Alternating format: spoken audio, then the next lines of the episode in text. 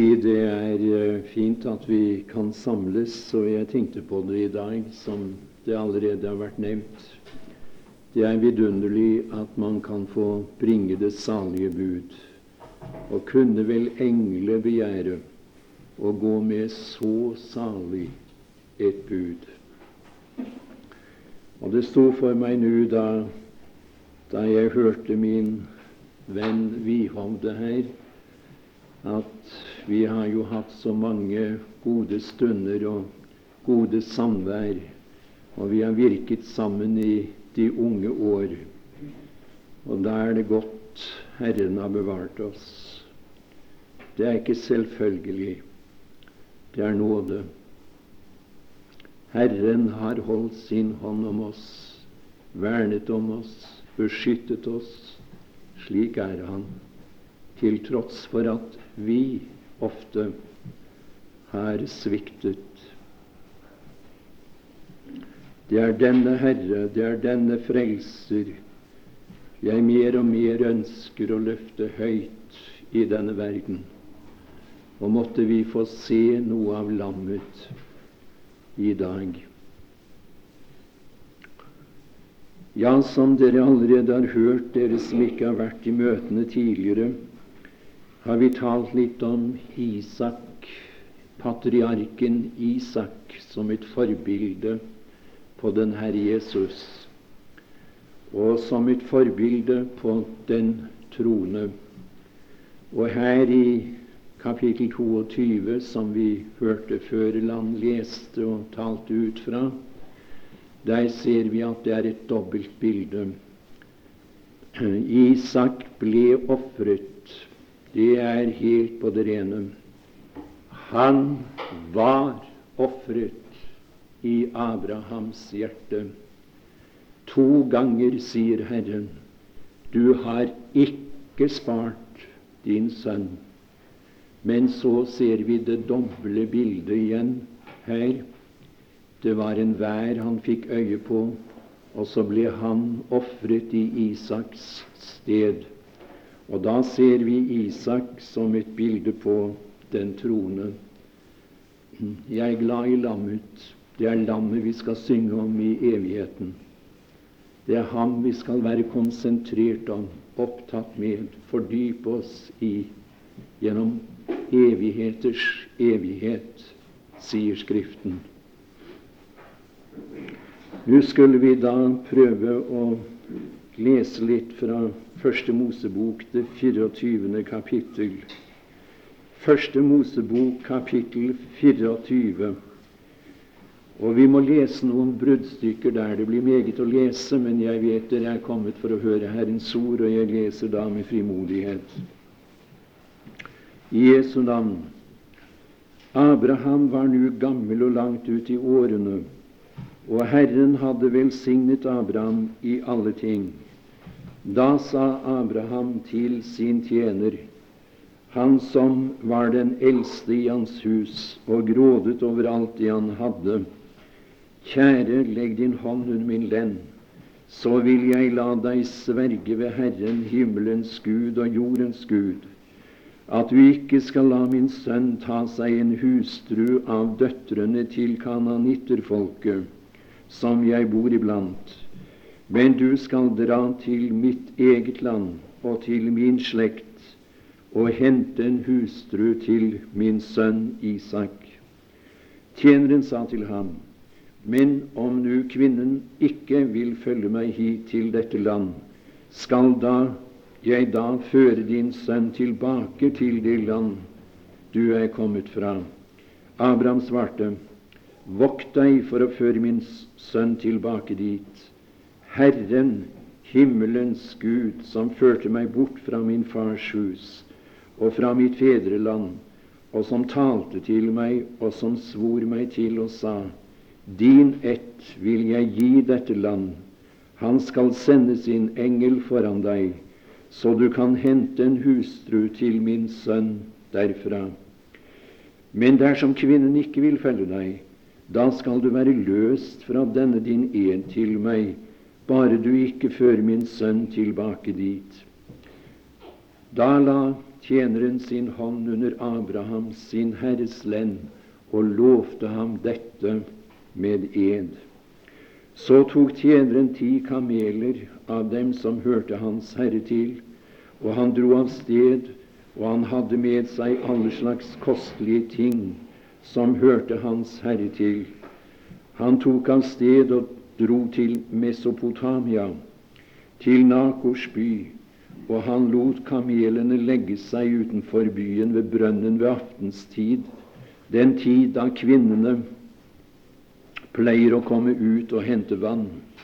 Og han sa, Herre, min Herre Abrahams Gud, la det lykkes for meg i dag og gjør miskunnhet mot min Herre Abraham. Se, nå står jeg her ved denne kilde mens døtrene til mennene i byen kommer ut for å hente vann.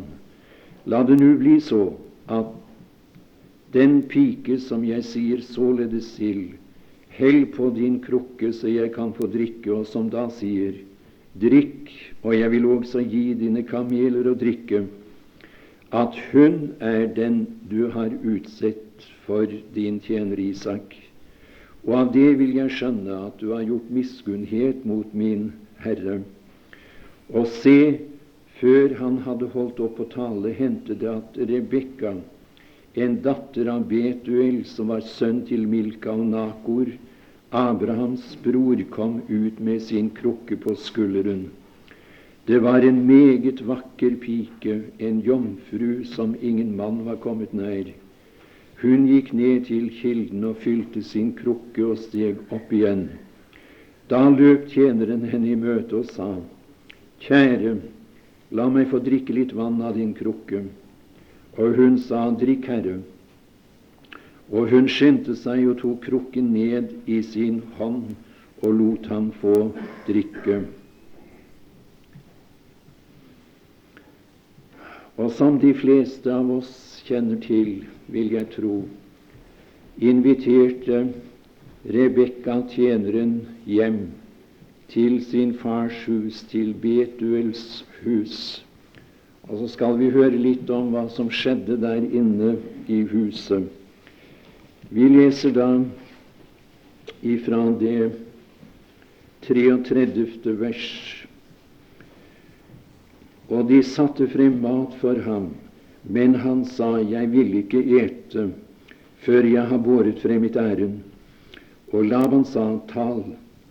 Da sa han, Jeg er Abrahams tjener, og Herren har storlig velsignet min Herre så han er blitt rik.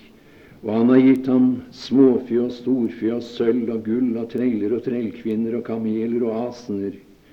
Og Sara, min Herres hustru, fødte min Herrens sønn på sine gamle dager. Og ham har han gitt alt det han eier. Vi hører videre fra det 52. vers. Da Abrahams tjener hørte disse ord, bøyde han seg til jorden for Herren. Og tjeneren tok frem sølvsmykker og gullsmykker og klær og ga Rebekka og hennes bror og hennes mor ga han også kostelige gaver. Så åt de og drakk han og de menn som var med ham og de ble der om natten. Men da de sto opp om morgenen, sa han, La meg nu fare hjem til min Herre. Da sa hennes bror og hennes mor, La piken bli hos oss en tid, en ti dager eller så. Siden kan du reise. Men han sa til dem, Hold meg ikke tilbake nå, da Herren har latt min reise lykkes. La meg få ta av sted, så jeg kan komme hjem til min Herre. Da sa de, la oss kalle på piken og spørre henne selv. Så kalte de på Rebekka og sa til henne, Vil du reise med denne mannen? Hun svarte, Ja, det vil jeg. Så lot Rebekka sin søster og hennes fostermor Abrahams tjener hans menn reise, og de velsignet Rebekka og sa til henne, vår søster blir til tusen ganger tusen, og måtte din ett ta sine fienders porter i eie. Og Rebekka og hennes piker gjorde seg ferdig, og de satte seg på kamelene og fulgte med mannen. Og tjeneren tok Rebekka hjem med seg og drog av sted. Amen.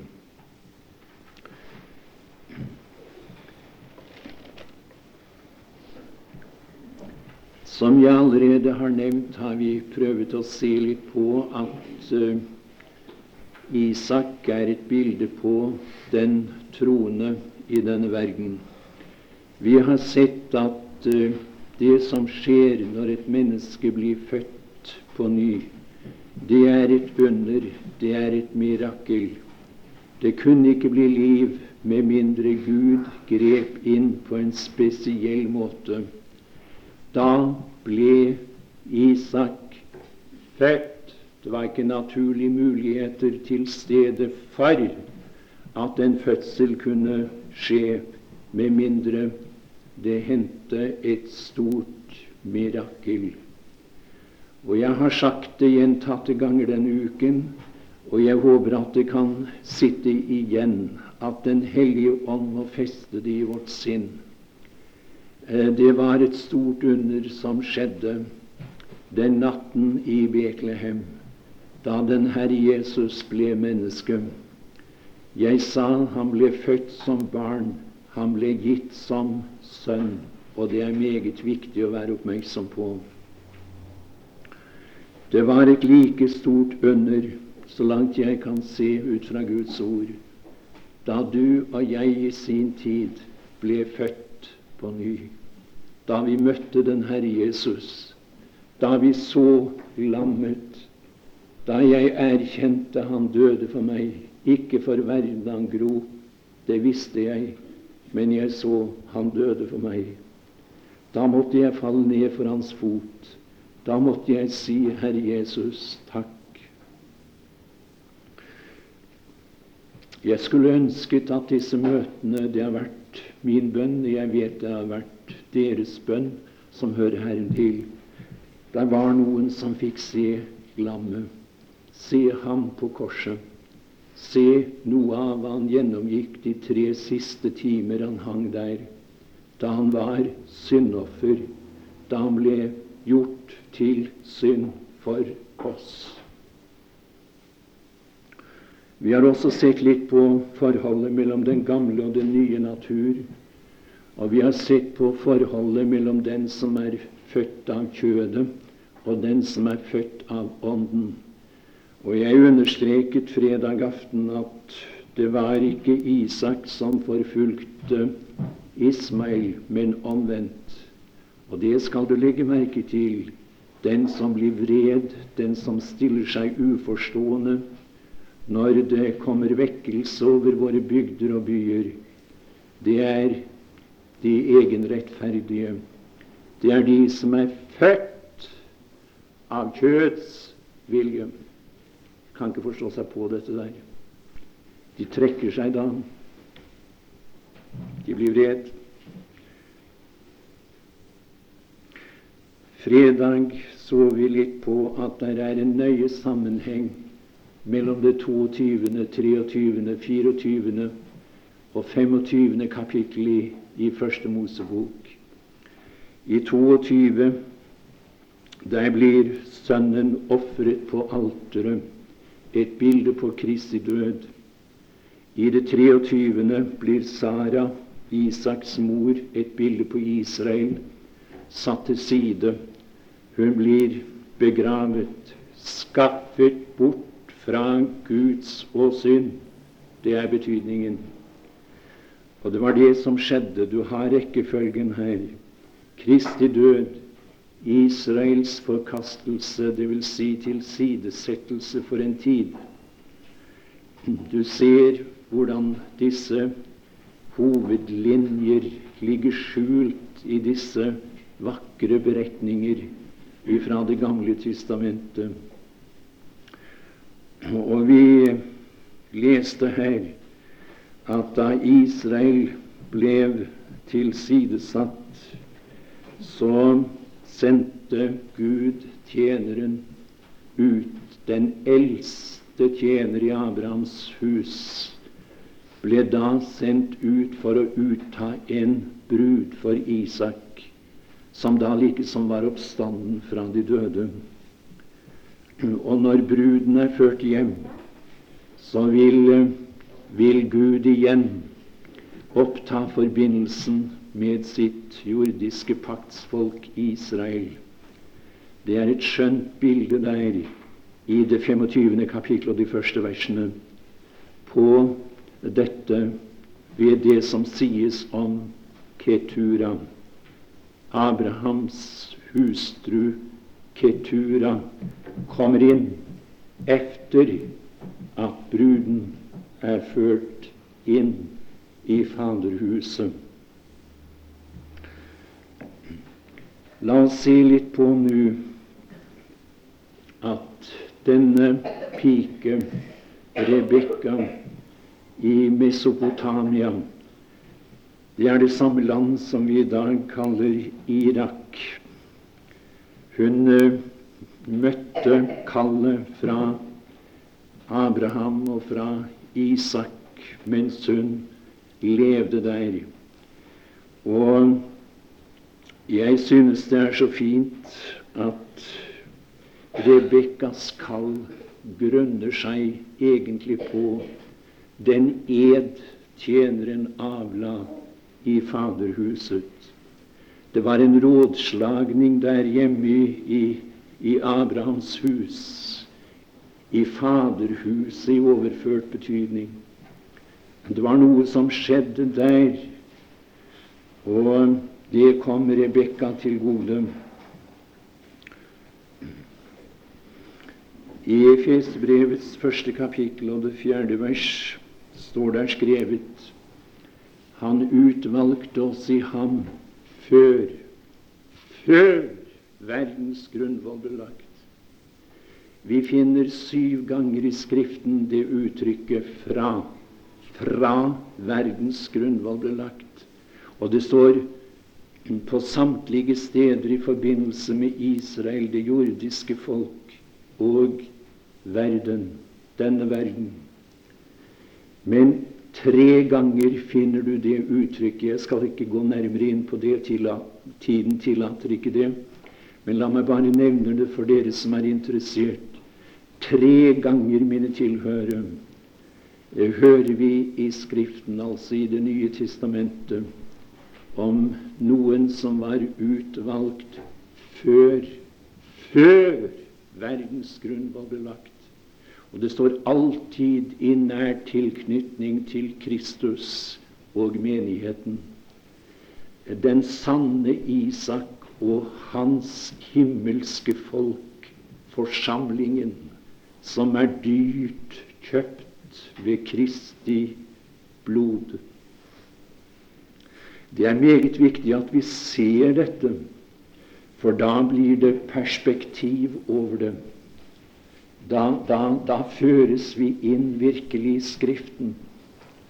Jeg må si Bibelen var lukket for, for meg.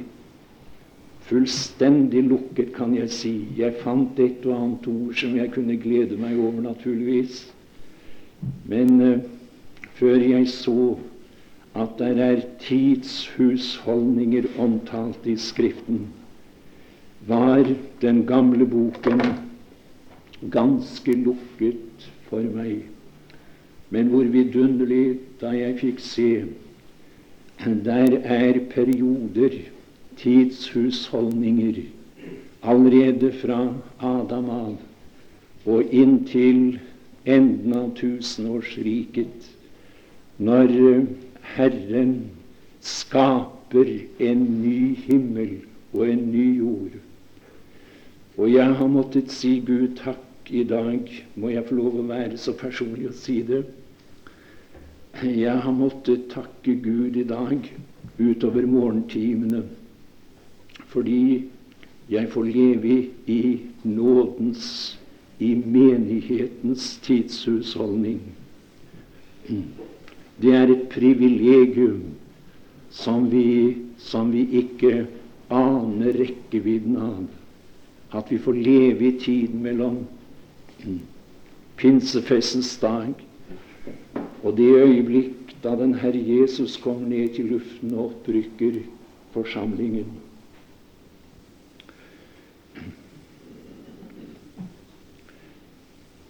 Jeg tror at det var noe som skjedde i evigheten ifølge Guds ord, før verdens grunnvoll ble lagt. Frelsen har dype røtter. Det begynte der. Gud planla, Gud bestemte. Han tok ut i en person, og det var den person som fylte hans hjerte i evigheten. De som skal frelses av Gud, de skal frelses i ham. Og vi har disse tre personer avspeilet her. Abraham, faderen, sønnen Isak, tjeneren, Den hellige ånd. Og da tjeneren brakte dette budskap for Rebekka der i Mesopotamia, så var det nåde. Det var blank nåde. Hun var ikke mer fortjent til dette store som, som hun ble kalt til, enn en hvilken som helst annen pike der i, i Mesopotamia. Jeg skal tro noen helt ut tilfredsstillende, fyllestgjørende forklaring på det. Jeg vet bare det skjedde. Kalle møtte meg en dag gjennom tjeneren Den hellige ånd, som brakte meg budskapet gjennom Skriften. Vi har grunn til å være takknemlig, vi som hører Herren til.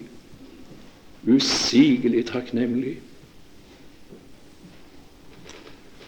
Skal vi se litt på nå hva det innebar for denne pike i Mesopotamia å si ja til Kalle, hva hun fikk del i, hva det betydde for Rebekka å si ja til Kalle.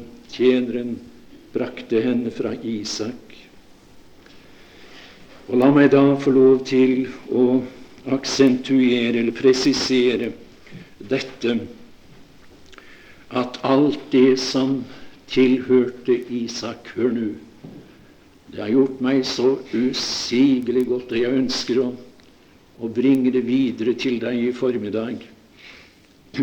Alt det som tilhørte Isak, det ble Rebekkas eiendom.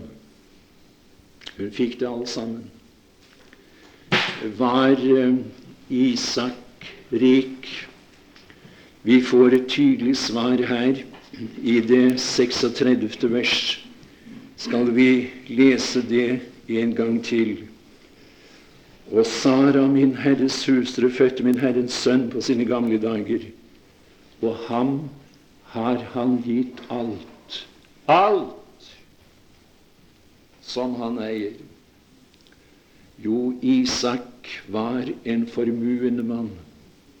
Og jeg kan ikke lese dette verset mine tanker går til Johans evangelium 16. kapittel og 5. vers, hvor det står at alt det Faderen har, er mitt.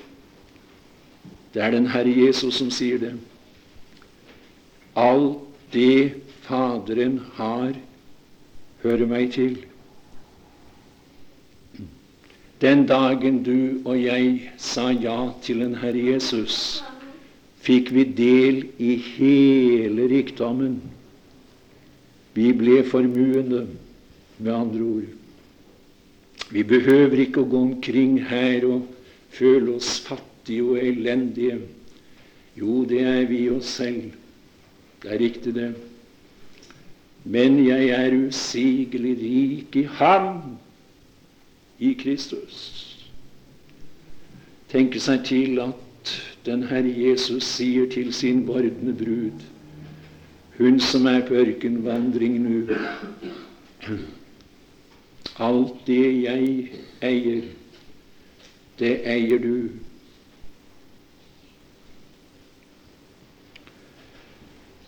Og jeg vil i denne sammenheng gjerne at du skulle slå opp i første Korintiebrev, og vi skal lese der ifra det tredje kapittel. Tredje kapittel i første Korintiebrev. Vi hører fra det 21. vers, og det er spesielt noen ord der som vi bør spesielt feste oss ved. Derfor roser ingen seg av mennesker, for alt hører eder til. Enten det er Paulus eller Apollos eller Kephas, enten det er verden eller liv eller død, enten det er det som nå er eller det som komme skal, alt hører eder til. I hører Kristus til, og Kristus hører Gud til. Se litt på det 21. og 22. vers her, og du vil finne at apostelen, inspirert av Guds ånd, sier til de troende i Korint Og han sier det like meget til oss som er her i dag. Alt, alt hører eder til. Og grunnen til det er at vi hører Kristus til. Vi er Hans vordende brud, som jeg skal komme litt nærmere inn på etter hvert som vi nå skrider frem i våre betraktninger. Alt hører dere til. Og La meg bare peke på én ting som her er nevnt. Og der står virkelig i dette 22. vers at døden hører den troende til. Døden er vår. En gang var det slik at vi hørte døden til, sier Bibelen. Men der ble en forandring en dag. Da jeg stiftet bekjentskap med den sanne Isak, den Herre Jesus, da ble det sant om meg. Jeg så det ikke klart. Jeg ser etter hvert dette mer og mer klart etter hvert som jeg er opptatt med ham gjennom Skriften og hans store rikdom. Jeg ser at nå er det blitt sånn at døden tilhører meg som en trone. I hvilken karakter må jeg få lov å be om din oppmerksomhet for dette, for det er meget viktig. I hvilken karakter tilhører døden oss? Må jeg få ta deg med til det femte verset i samme kapittel, altså første Korinterbrev, tredje kapittel, vers fem. Der heter det Hva er da Apollos, eller hva er Paulus? Og det svares tjenere ved hvem I kom til troen. Og så leser vi igjen enten det er Paulus eller Apollos eller Kefas, enten det er verden eller liv eller død, enten det er det som nå er eller det som komme skal, alt hører eder til. Hør nå. Døden tilhører oss i samme betydning, i samme karakter, som Apollos og Paulus tilhører oss, og de tilhører oss som tjenere. Tjenere! Døden, denne fryktinngytende fiende, han er blitt min tjener. Tjener! Jeg venter Herren. Det går ikke en dag i mitt liv, har ikke gjort det i de siste årene, med mindre jeg har sett frem til den begivenheten. Jeg må få lov å si det. Jeg begynner alltid dagen med den tanke kanskje du kommer. Jeg lukker mine øyne om aftenen, og så tenker jeg kanskje før morgenen gryr, kommer du, Herre Jesus skal jeg møte ham, se ham. Som han er. Jeg har aldri sett ham som han er. Aldri. Og det skal jeg også etter hvert komme litt inn på ut fra denne vakre beretningen. Men eh, jeg vet ikke, jeg vet ikke. Det er mulig jeg må gå. Jeg er ingen ung mann lenger. Det er mulig jeg må gå den veien. Da er det godt å vite, og det er godt å vite det med tanke på de som hører oss til, som er gått bort. Vi tenker i første rekke på våre kjære. Det er godt å vite døden hører oss til som tjener. Han har blitt vår tjener, døden. Så det er akkurat som fergemannen som legger til og fører igjen over. Skriften erklærer vi skal ikke smake døden. Skriften sier like tydelig vi skal ikke se døden. Johans evangeliums 8. kapittel 51-52. Vi skal ikke se døden, skal ikke smake døden. Jeg gjentar. Det er meget viktig. Hvorfor ikke det? Fordi det var en som smakte døden.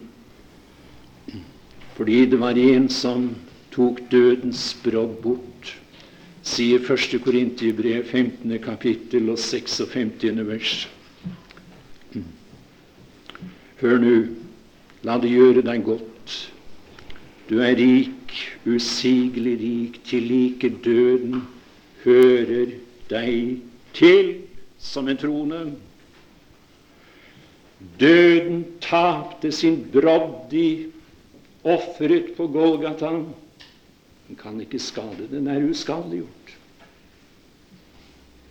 Så om jeg må gå den veien Jeg sier ikke det at jeg ikke kan frykte for døden. Nei, legg meg ikke til hva jeg sier. Jeg har ingen grunn til det ut fra Guds ord å frykte for døden. I første kapittel av 2. Timotus brev er et meget sterkt uttrykk brukt i denne sammenheng. Og det er eh, det er i det tiende vers, men vi skal ta med fra vers 9. Han som frelste oss og kalte oss med et hellig kall, ikke efter våre gjerninger, men efter sitt eget forsett, og den nåde som er oss gitt i Kristus Jesus fra evige tider. Men nå er blitt åpenbaret ved vår Frelser Jesu Kristi åpenbarelse, Han som tilintetgjorde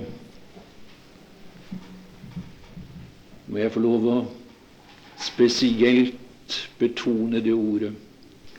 Han som tilintet gjorde døden og førte liv og uforgjengelighet frem for lyset ved evangeliet.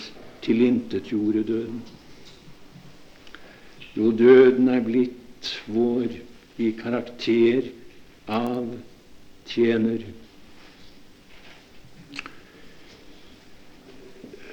Tillat meg å være så familiær at jeg forteller litt om min egen fars bortgang.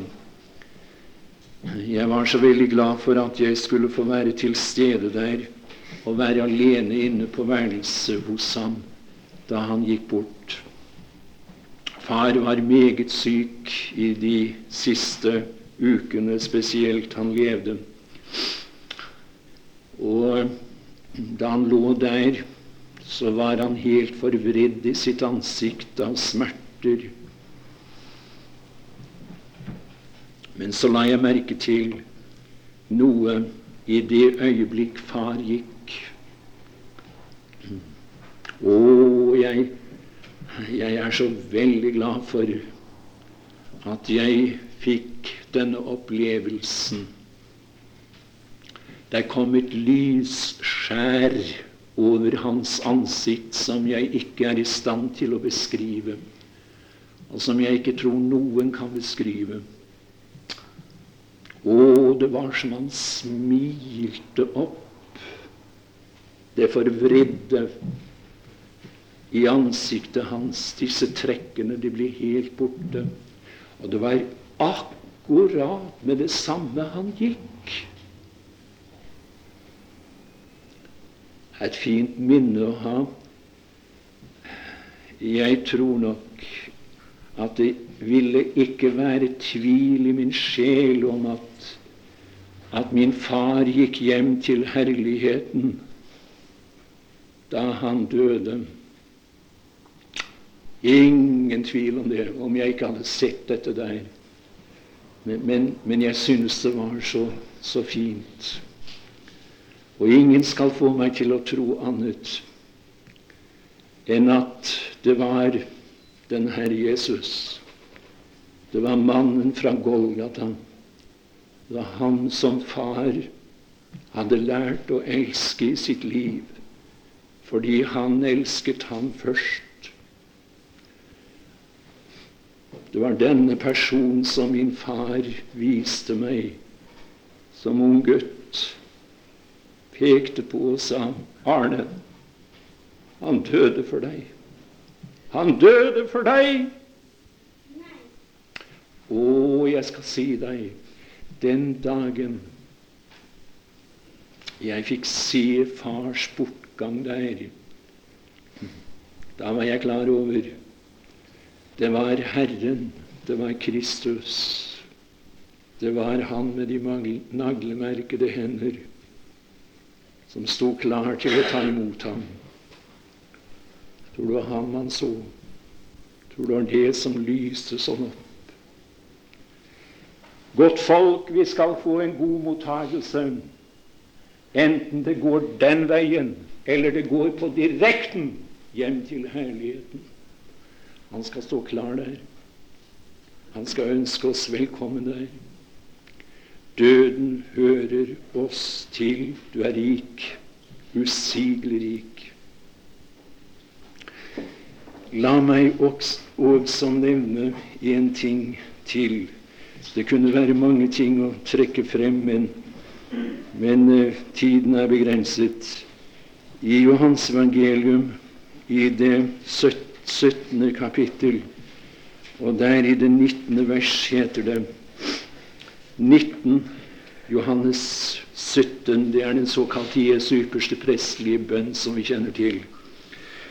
Og jeg helliger meg for dem, for at også de skal være helliget i sannhet.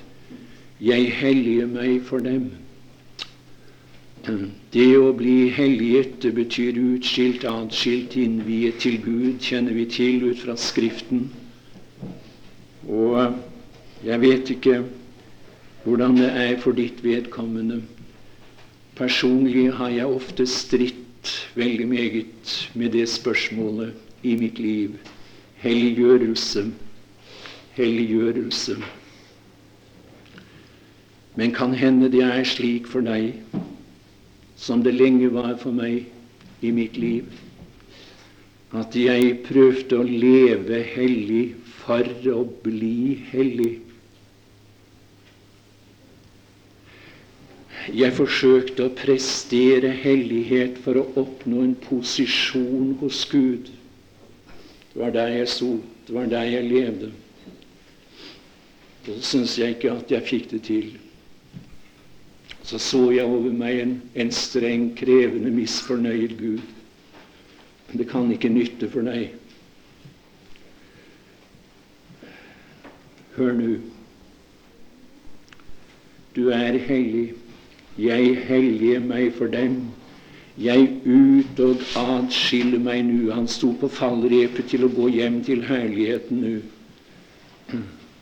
Han, han har liksom ifølge det fjerde verset i dette kapittelet lagt eh, Getsemane, Gabata, Golgata, graven og dødsriket bak seg.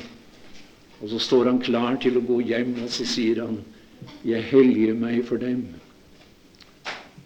Må jeg få lov å si deg, du er fullkommen hellig i denne velsignede person som er på himmelens trone i dag aldeles hellig, aldeles utskilt, aldeles innviet til Gud. I Ham. Og det er forutsetningen. Merk nå hva jeg sier. Det er forutsetningen for at du kan leve et hellig liv. Tenk på det, lev i det, fordyp deg i det. Du er hellig, og jeg tror det skal bli relativt lett å leve hellig, leve atskilt, leve i Hans nærhet, omgås Gud. Og så bærer vi en duft av ham i oss der vi går frem. Jeg lærte en mann å kjenne som jeg ble veldig glad i. Han kom til å bety meget for meg. Da jeg satt ved denne manns side og lyttet til ham på hans studiekammer, da, da var det som himmelen var åpen over oss. Han var ikke nordmann, det betyr jo ikke så meget hvilken nasjonal, nasjonalitet han tilhørte. Men uh, jeg glemmer det aldri da han øste ut av denne boken for mitt hjerte. Det kom til å bety usigelig meget for meg. Denne mannen bar noe av himmelen med seg der han gikk frem. Jeg skulle ønsket at jeg fikk det eftermælet når min plass var tom i denne verden. Han ikke bare preket, han ikke bare holdt bibeltimer, men han levde i Guds nærhet. Bjerkreim sa om denne mannen på begravelsesdagen at uh, det spørs om det var noen overraskelse for ham å komme hjem. Jeg tror Bjerkreim tok munnen litt for full der. Det var Adolf Bjerkreim som talte der. Jeg tror han han gikk noe over grensen der i sin uttalelse. Allikevel jo, det vil nok bli en overraskelse, selv hvor nær vi lever Herren her. Komme hjem! Komme hjem! Det overgår det ryktet vi har hørt, det som venter oss der hjemme, hva øyet ikke har sett, hva øret ikke har hørt, hva ikke er oppkommet i noe menneskes hjerte.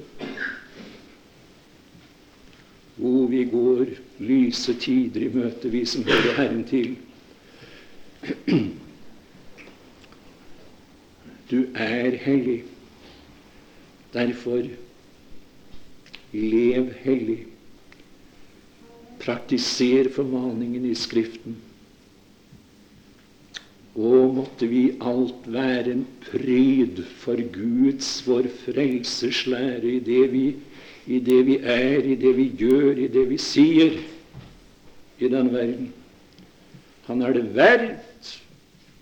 Ser du utgangspunktet? Det er at du allerede er brakt inn i Hans nærhet. Du er der. Du er hellig. Ingen forskjell på han og deg i Guds betraktningsmåte.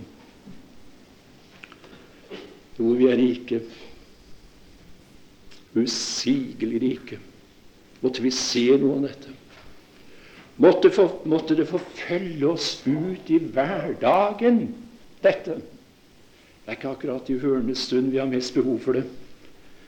Men det er der vi lever vårt liv, ikke minst kanskje i vårt eget hjem måtte de som sto meg nære, kunne si vi så ham ofte på kne. Når vi kom liksom litt sånn overrumplende over ham. Unnskyld at jeg blir beveget.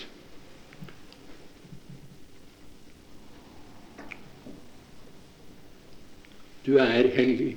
Jeg kan ikke gjenta det og si det sterkt nok. Derfor lever du hellig. Til ære for Ham som døde, og som nå er på tronen.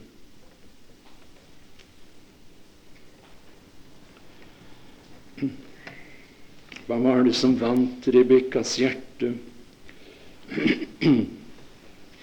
Hva var det tjeneren talte til henne om? Ja, det står her, og vi skal lese igjen i det 35., 36. vers, og Herren har storlig velsignet min Herre, så han er blitt rik. Og han har gitt ham småfe og storfe og sølv og gull og treller og trellkvinner og kameler og asener. Og Sara, min herres hustru, fødte min sønn, min Herrens sønn, på sine gamle dager. Og ham har han gitt alt det han eier. Hva talte tjeneren om for å vinne Rebekkas hjerte? Hva blir det talt om i dag? Jeg lytter, og jeg leser. Og jeg finner at ved de store sammenkomster i dag så er gjennomgangsemnet lov og evangelium. Ja, lov og evangelium. Var det det tjeneren talte om? Nå må du prøve, Rebekka, å være sånn som Isak fordrer du skal være. Var det det han begynte med? Ja, jeg bare spør. Nå får du si om meg hva du vil etterpå. Tenke om meg hva du vil. Som jeg sa fredag, det betyr Eller var det den andre dagen? Det betyr ikke noe for meg. Jeg er interessert i å si noe som han der hjemme kan skrive under på. Det budskap hun, eh, tjeneren brakte Rebekka, var dette fortalte henne ganske enkelt om Faderen og Sønnen og rikdommen der. Ja. Det var en som ofret sin sønn på Morias høy, og det var Golgata, som vi så en aften tidligere. Fortalte om Faderen og Sønnen. Det var det som beveget mitt hjerte formaningene om å leve og oppføre meg vel var god nok, og de er jeg glade for. Det betyr meget i samfunnet. Men min venn, når det gjelder det å bli frelst, da er det bare dette som kan, som kan føre deg til å bli vekket opp i din tilstand. Du konfronteres med Golgata kors. Det er der jeg ser min heslighet. Det er der jeg ser min gudfiendske natur. Det er der jeg ser noe av bunnfordervelsen i meg. Bare der. Hun fortalte om Faderen og Sønnen. Og det beveget Rebekkas hjerte, og jeg undres ikke over det. Jeg undres absolutt ikke over det. Det måtte ta henne. Og så mm, sto kamelene klare, står det. Kamelene sto klare. Bare ta plass, Rebekka. Jeg skal sørge for å få deg hjem. Og så hører jeg at uh, Rebekka sier Men der er vel farer underveis, der er vel fristelser, der er vel prøvelser. Der er vel visse ting som vi støter på som ikke er så behagelig. Hvordan skal det gå? Og da svarer tjeneren, tror jeg, Rebekka, det hendte noe hjemme før jeg dro. Jeg, jeg, jeg, la min hånd under min Herres lend, og så tilsverget jeg ham med ed at jeg skal føre deg vel hjem. Så den, den saken er min. Du må ikke blande deg opp i den, i, i den tingen der. Det er min sak å føre deg hjem. Avlagt ed på det i Faderhuset. Den hellige ånd, mine tilhørere, har avlagt ed på det i evigheten at han skal føre Kristi brud vel hjem. Han som begynte en god gjerning i eder, vil fullføre den hvor lenge inn til Kristi dag. Sånn er den person som jeg ønsker å presentere for deg i dette møtet i formiddag. Jeg hører også at Rebekka sier til tjeneren Du må fortelle meg mer om denne den eh, personen. Hennes hjerte ble inntatt i ham Du må fortelle meg mer. Det dreide seg hele reisen om ham, ham, ham. Isak. Det er interessant, sier Rebekka, og jeg må få høre mer. Jeg, jeg er grepet, sier hun, av denne personen allerede. Jeg har aldri sett ham.